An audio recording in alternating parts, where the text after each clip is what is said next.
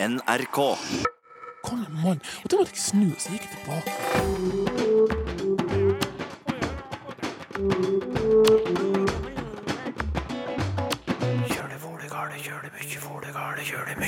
Kan en røverhistorie til havs være opphavet til navnet på en kjeks? Denne kjeksen har, sin opp, har sitt opphav i en krydderblanding. Og det var fordi det var en nederlandsk seilskute som på vei tilbake fra Indonesia kom utfor storm. Det gjorde at alle krydderne blei kasta hit og dit i lasterommet og var helt ubrukelige da de kom fram. Og den eneste som fikk noe moro ut av dette, var en lokal baker. Og hvordan havna denne stakkars høna i uttrykka knehøne og lårhøne? Ja, høna dukker opp mange steder i, i språket, men akkurat i knehøne og lårhøne så kommer dette mest sannsynlig av at uh, høne var et gammelt uh, skjellsord. Du spør, Språkteigen svarer. Vel møtt.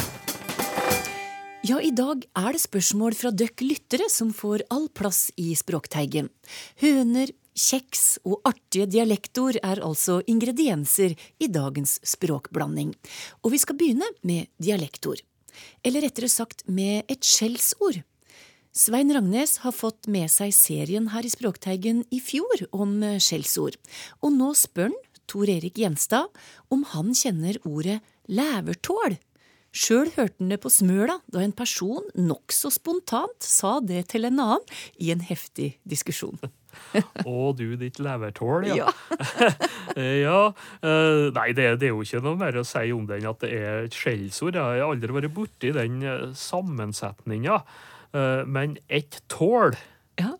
det betyr jo en tomsing eller en tosk. Ja. Og det er jo belagt nettopp fra Smøla. Pluss at det går oppover i Fosen da på trøndelagskysten. Og du har også et eh, verb å tåle, eh, som eh, betyr å oppføre seg som en tulling, da. Men levera?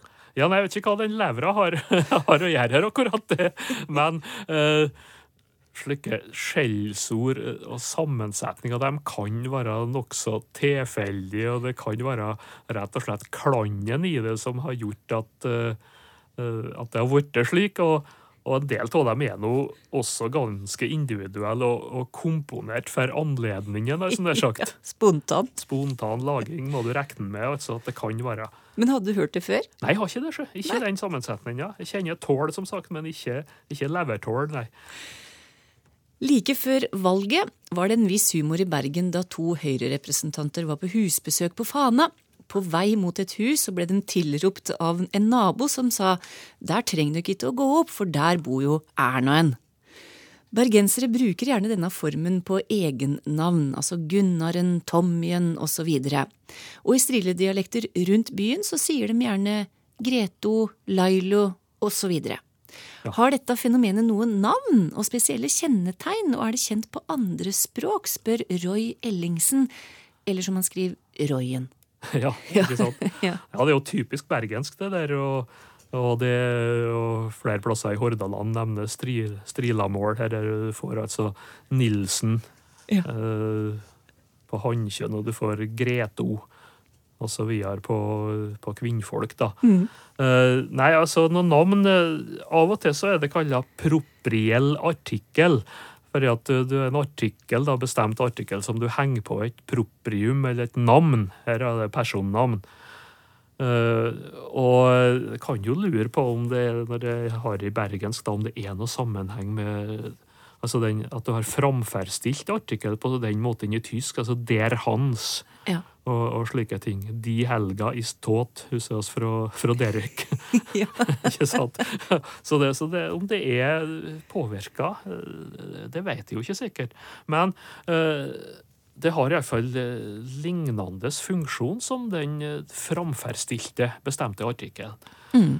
Og ellers i Norge, mange plasser, så har du jo eh, annen måte å uttrykke det der på. Du, det, det vil hete for eksempel ho Erna.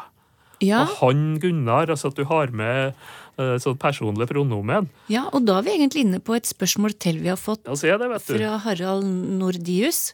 Han er svensk, og han skriver at i mange svenske dialekter så legger de da til en avkorta form av han eller ho før navnet, som en Sven og Greta og slik. Ehm, og det fins vel òg i norske dialekter, sier han. Og det gjør det jo. Men han har merka seg at i Therese Johaugs hjembygd Dalsbygda, der hørte de at det ble sagt N, Therese. Ja. Bruker de N både på kvinner og karer der, spør han. ja, nei, de gjør nok ikke det. Men eh, det her med en Sven og, og så videre, ja, det Nord-Sverige særlig har det der, og, og, det meste av Norge, egentlig, eh, har det her. Men det her med, med N. Therese, det er dativform, da. Eh, slik at uh, det vil jo hett uh, 'Jeg såga Therese', eller 'Jeg såg hun Therese'. Ja. Men jeg, jeg sa det åten Therese, slik at det vil veksle eh, etter, om, etter setningssammenhengen, om det skal være dativform, da. For Ja, de, her, de her personlige pronomenene her, eh, han og hun, også i trykklette variantene, de er jo bøyd i dativkasus eh, i målføret som har det der, og det vil jo gjelde eh, dalsbygda tradisjonelt. Da er vi i Nord-Østerdalen. Ja. Men jeg tenker i svenske dialekter, da har de den dativformen der, ettersom han er svensk, han Harald? Ja, Fra gammelt så har de nå det mange plasser i Sverige òg, men det er vel slik som i Norge at det holder på å gå ut, og at det er gått ut mange steder. Da jeg var unge i 40-åra, skriver Arne Brennbekken, så plukka jeg tørrhalapinne i skogen som tilskudd til ved. Det var tørre pinner som lå igjen etter hogst i skogen. Fins dette ordet registrert, har du hørt det før, og fins det mange steder, spør han. Ja, det er nok kjent, ja, om inntørka tre, eller tørrtre. Og dersom det er registrert ifra, det er jo eh, første omgang Hedmark fylke, mange plasser. Og ellers da litt også lenger eh, sørover, Østfold, Aker, Eidsvoll. Det er tørrhala. Og så er det overført om en mager og sennete person, da. Og det siste leddet her, det finnes som hala eller hålå. Og det, det betyr eh, tørrfuru, gaddfuru, rett og slett. Og en tørrhalapinne, da, det er jo eh, pinne. Uh, har og tørr pinne som ligger igjen etter tømmerhogst. Aslak E. Himle har et par dialektspørsmål fra Voss, der bestemor Hass kom fra. Det første det er utkropen, som han var. Utkropen, den karen. Hva er opphavet til det uttrykket? Ja, utkropen tenker jeg eh, heller uttaler. ja. Ja, jeg vil Ja. tro det at eh, Eller dette det varierer jo sikkert fra den dialekten til den andre. Ja. Eh, Så det betyr jo lur og utspekulert, da. Det er nok ikke bare Voss, nei. Eh, Norsk ordbok fører det opp som heller vanlig, og det vil jo da si at de har belegg, spredde belegg fra ganske mange plasser over store deler av Norge. Og her er det nok ei overføring som har skjedd, ja. Denne utkråping, da vil det jo si at den er kråpet ut oh, ja. av et eller annet. Og så kan jo det overføres til at da en fullt ut vaksing. Og derifra igjen så må det da ha gått til at en eh, har tenkt grundig gjennom ting. Han har spekulert seg ferdig og har en slagplan og er da slu. At den kan være utkropping på, på den måten. Så det er nok eh, den veien det har gått, vil jeg tro. Så planen er ferdig utvokst. Ja, den er nok det. Aslak E. Himle han spør òg om ordet grus. Som i at det var så grust å komme til stølen. Altså tydeligvis gildt, da. Ja. Men hva er bakgrunnen for dette ordet? For det kan jo ha ulike betydninger. Og hvorfor er det slik? Ja, nå har det nok ikke noe sammenheng med å gruse noe som man nevner her om å, om å ødelegge noe. Ja. Uh, nei, det er vel heller faktisk sammenheng med å grøsse.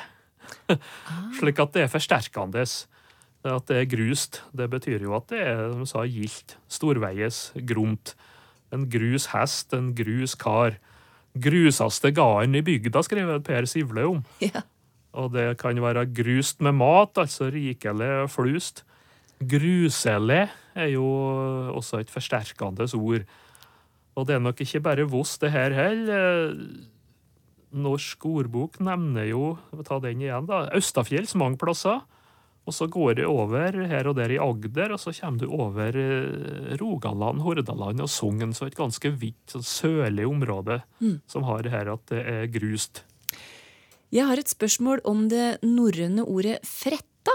som betyr å spørre. Har det en sammenheng med fritte, som i uttrykket å fritte ut, altså å spørre noen? Eller har ordet et annet opphav, spør Gunnar Selsbakk.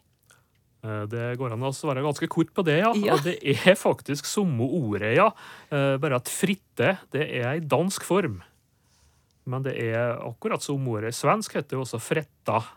Eh, Samme som i tradisjonelle norske dialekter og i islandsk. Så sånn er det. Mhm. Ja, noen ganger er det enkelt og greit. Takk til deg, Tor Erik Gjenstad.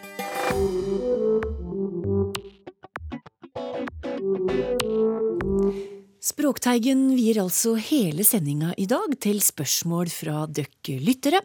Og kanskje dukker det opp nye spørsmål i huet ditt mens du hører på. Da er det bare å skrive e-post til oss, teigen, krøllalfa, nrk.no, eller du kan gå inn på gruppa vår på Facebook. Har du ikke blitt medlem der ennå, så kast deg med. Du finner den via NRK P2 sin Facebook-side. Eller du kan rett og slett knagge oss på Twitter. Vi skal til hønene, eller de stakkars hønene som Ellen Samuelsen skriver til oss. Vi har jo tidligere pratet om uttrykket å ha ei høne å plukke her i Språkteigen. Det fikk hun til å tenke på andre høner, nemlig knehøne og lårhøne. Hva har de stakkars hønene med dette å gjøre, spør hun, altså hva er opprinnelsen? Og jeg sender spørsmålet til Georg Kjøll. Ja, høna er et, eh, dukker opp mange steder i, i språket, men akkurat i knehøne og lårhøne så kommer dette mest sannsynlig av at høna høne var et gammelt eh, skjellsord for noen som er dumme eller feige. Så både knehøne og lårhøne betød opprinnelig det samme. Noen som, eh, noen som knelte for eh, overmakten, eller ikke, ikke brukte så lang tid på å bøye, bøye nakken og, og, og gi seg hvis det var noe som, eh, noe som skjedde. Så det er opprinnelsen til, eh, til knehøna. Det er jo den betydningen vi ser i, i dag eh, for det uttrykket. Hva som har skjedd med lårhøna, er litt mer eh, usikkert, for nå snakker vi om en lårhøne som, som en idrettsskade. En av de mest vanlige idrettsskadene. Som oppstår gjerne i sånne kollisjonsidretter, da, som f.eks. Uh, fotball eller, uh, eller håndball, hvor du, en, uh, hvor du får et kne mot låret. eh, og resultatet er en støts, eh, støtskade eh, og muskulatur som eh, knuses i dypet eh, med en sånn stor blødning. Altså det er fryktelig, fryktelig vondt. Og eh, det er litt usikkert hvordan man gikk fra det ene til det andre. Altså hvordan man brukte lårhøne. Om det som i en eldre ordbok eh, var eh, ja, en, en uselvstendig og småredd og forvirra person. Og en litt dum person ofte eh, også. Til å snakke om en idrettsskade. Men uh, assosiasjonen er kanskje rett og slett det at kneet til motstanderen treffer uh, utsiden av låret. Um, så der har du både uttrykket knehøne og lårhøne som, som uh, spiller inn. Og så knekker man jo sammen når man får en sånn smell. Eh, så man går jo ned på kne, eller eh, ja. Så det kan rett og slett være en litt sånn bare assosiasjon fra de ulike delene av ordet som har, som har gitt dette her. Og så, så vi ender opp med et merke på, på utsiden av eh, låret da, fra denne blødningen som, ja, som man trengte et ord for, og da lå kanskje lårhøne sånn passe, passe til. Det er en språkinteressert medisiner som har hatt en veldig fin spalte om medisinsk språk i tidsskriftet for Norske legeforening i veldig mange år. eh, Erlend Hem, som eh, har skrevet om dette her i en artikkel. Eh, Og han, han har funnet igjen ordet lårhøne i medisinsk sammenheng brukt fra 60-tallet og ut om, om denne idrettsskaden. Og han sier også at det må ha vært en, vært en litt rar reise fra, fra, å om, fra å snakke om denne feigingen som en, som en lårhøne eh, til idrettsskaden. Altså, når man har endt opp med høne i, en, eh, i, en, eh, i disse to skjellsordene, så var det en sånn ekstra ydmykelse i det om at eh, ja, dette blir brukt om, om kvinner og, og det kvinnelige, kvinnelige kjønnsdeler. Så, eh, så da var det ekstra pinlig å bli kalt en eh, knehøne.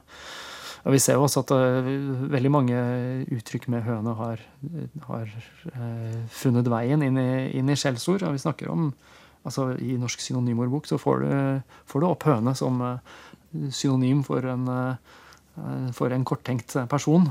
Så her er det Det er ikke tilfeldig at denne, dette, dette, ordet dukker opp i de ene og andre sammenhengene, at det har en sånn negativ, eh, negativ konnotasjon.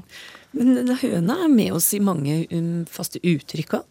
Ja, vi, vi, finner den igjen. Ikke bare i høna plukke eller knehøna, men vi har også vi har også uttrykk som det å være den første høna i kurven. Altså være den mest fornemme eller dominerende eh, og toneangivende i en krets. Vi snakker også om å være eneste høne i kurven, eller eneste hane i kurven. Hvis du er den eneste av et spesifikt eh, kjønn blant, blant, mange andre. Hvis du er den eneste uh, mannen i en gjeng med, med, med, damer, så er det eneste hane, hane i kurven, og tilsvarende uh, motsatt vei. Vi snakker om eh, at egget vil lære hønen å verpe, eh, som et uttrykk for at eh, noen som ikke har så veldig lang erfaring, vil eventuelt mansplaine noe til noen som de ikke burde ha prøvd å, prøvd å forklare noen på. Jeg vet dere har vært borti det uttrykket også tidligere. Um, og vi har det filosofiske spørsmålet hva kom først, høna eller egget, som også dukker opp i litt sånn sammenhenger hvor man skal snakke om hva som er årsaken til, til et eller annet. Mm. Og eh, vi snakker også om fjæren som ble til fem høns, uh, som en stor overdrivelse. Eller, hvordan, uh, eller for å omtale et rykte eller en historie som blir mer sensasjonell for hver gjenfortelling, med utgangspunkt i H.C. Andersens eventyr. Det er ganske visst. Vi finner det i enkelte ordtak òg. Ja, vi snakker om at blind høne også finner korn, som for situasjoner hvor hvor folk som ikke nødvendigvis var spesielt dyktige, eh, lykkes med en aktivitet, lykkes med å, å gjennomføre noe. Så det er et veldig godt bilde på ja, at, eh, at, man kan ha flaks og, og få, til, eh, få, til, ting. og Sånn sett er det jo også en fornærmelse. Men her er det jo selvfølgelig tilfelle som vi, som vi har sett med så, så mye at også disse ordtakene de, de er lett å, å, å, blande sammen uh, og, opp, og, ender opp i andre rare Eh, varianter. Så eh, for ikke så veldig lenge siden så kom jeg over en diskusjon på, på, Twitter hvor en som sa at han hadde vært borti uttrykket 'blind høne kan også legge egg'. så dette er, har, har, et rikt ja, har spredd seg i alle mulige former og fasonger på, på norsk og brukes som bilder på veldig mye forskjellig. Litt om høna i språket vårt der. Takk til deg, Georg Kjøll. Det, blir flere spørsmål, og nå er det Toril Oppsal som skal få svare. Det blir litt søtt med både muffins og kjeks, og vi skal forsyne oss med muffins først. Jeg lurer på hvorfor vi sier muffins, caps og shorts, engelske låneord som vi bøyer i dobbelt flertall, skriver Stine Kristin Schrøder. Hvorfor sier vi muffinsene, capsene, mens ord som har kommet inn i språket de senere åra, ikke bøyes på samme måte. Mm. Som for eksempel cupcake, som blir cupcakes, men ikke cupcakesene. Mm. Det blir vel mer cupcakene. Mm. Hvorfor er det slik? Ja, eh, her har vi allerede de stikkordene vi trenger. Dette her handler nok om innlåns øyeblikk. Dette er nok tidens tann. Eh, her nevnes det opptil flere ting som oss, gir oss hull i tennene, men, men, men her, er nok, her, er det nok, det å etablere eh, ordet i norsk. Både i vår felles norske bevissthet og i et norsk bøyningssystem.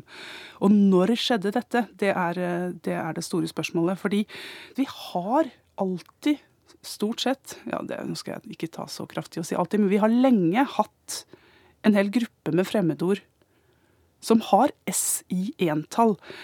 Eh, og tilbake til eh, OL på Lillehammer, husker du det?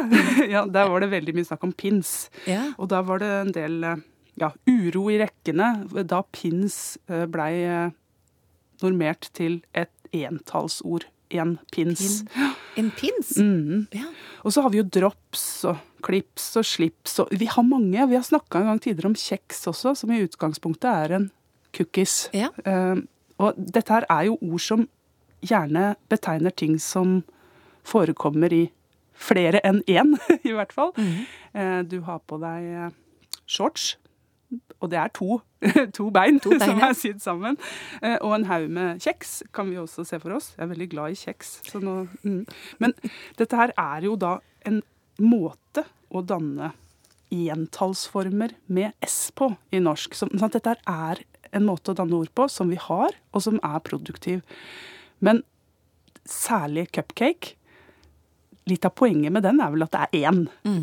Én flott, bitte liten kake med all verdens uh, smørkrem og paraplyer på. Så, så, det å se for seg den i mengder er i utgangspunktet litt merkelig. Men, men jeg har funnet en god del eksempler på cupcakesende. Du har det, ja? Ja, eh, Så den eh, er nok en liten røver. Så her er vi i en forhandlingsposisjon, kan vi vel kanskje si. Men flere cupcakes da nærmer vi oss kjeksen. Ja. Og så har du denne her andre, cookie. Ja. Jeg pleier å be om kjeks på bakeriet, og da får jeg alltid et sånt uh, irettesettende blikk med 'du mener cookie'? så ja, kanskje er det en forskjell på cookies og kjeks, men uh, her er de foreløpig ikke noe som markerer S-koblinga til disse orda som en entallsform. Nei. Så dermed blir det noe snodig og også behandle det som en tannsform. og da blir det heller ikke en dobbel flertall, som denne lytteren eh, kaller det for. Mm. Men uh, etter hvert så blir det kanskje på den måten. Og så kanskje vi får cookiesene, og da er eh, Da har vi, da har vi kjeksen.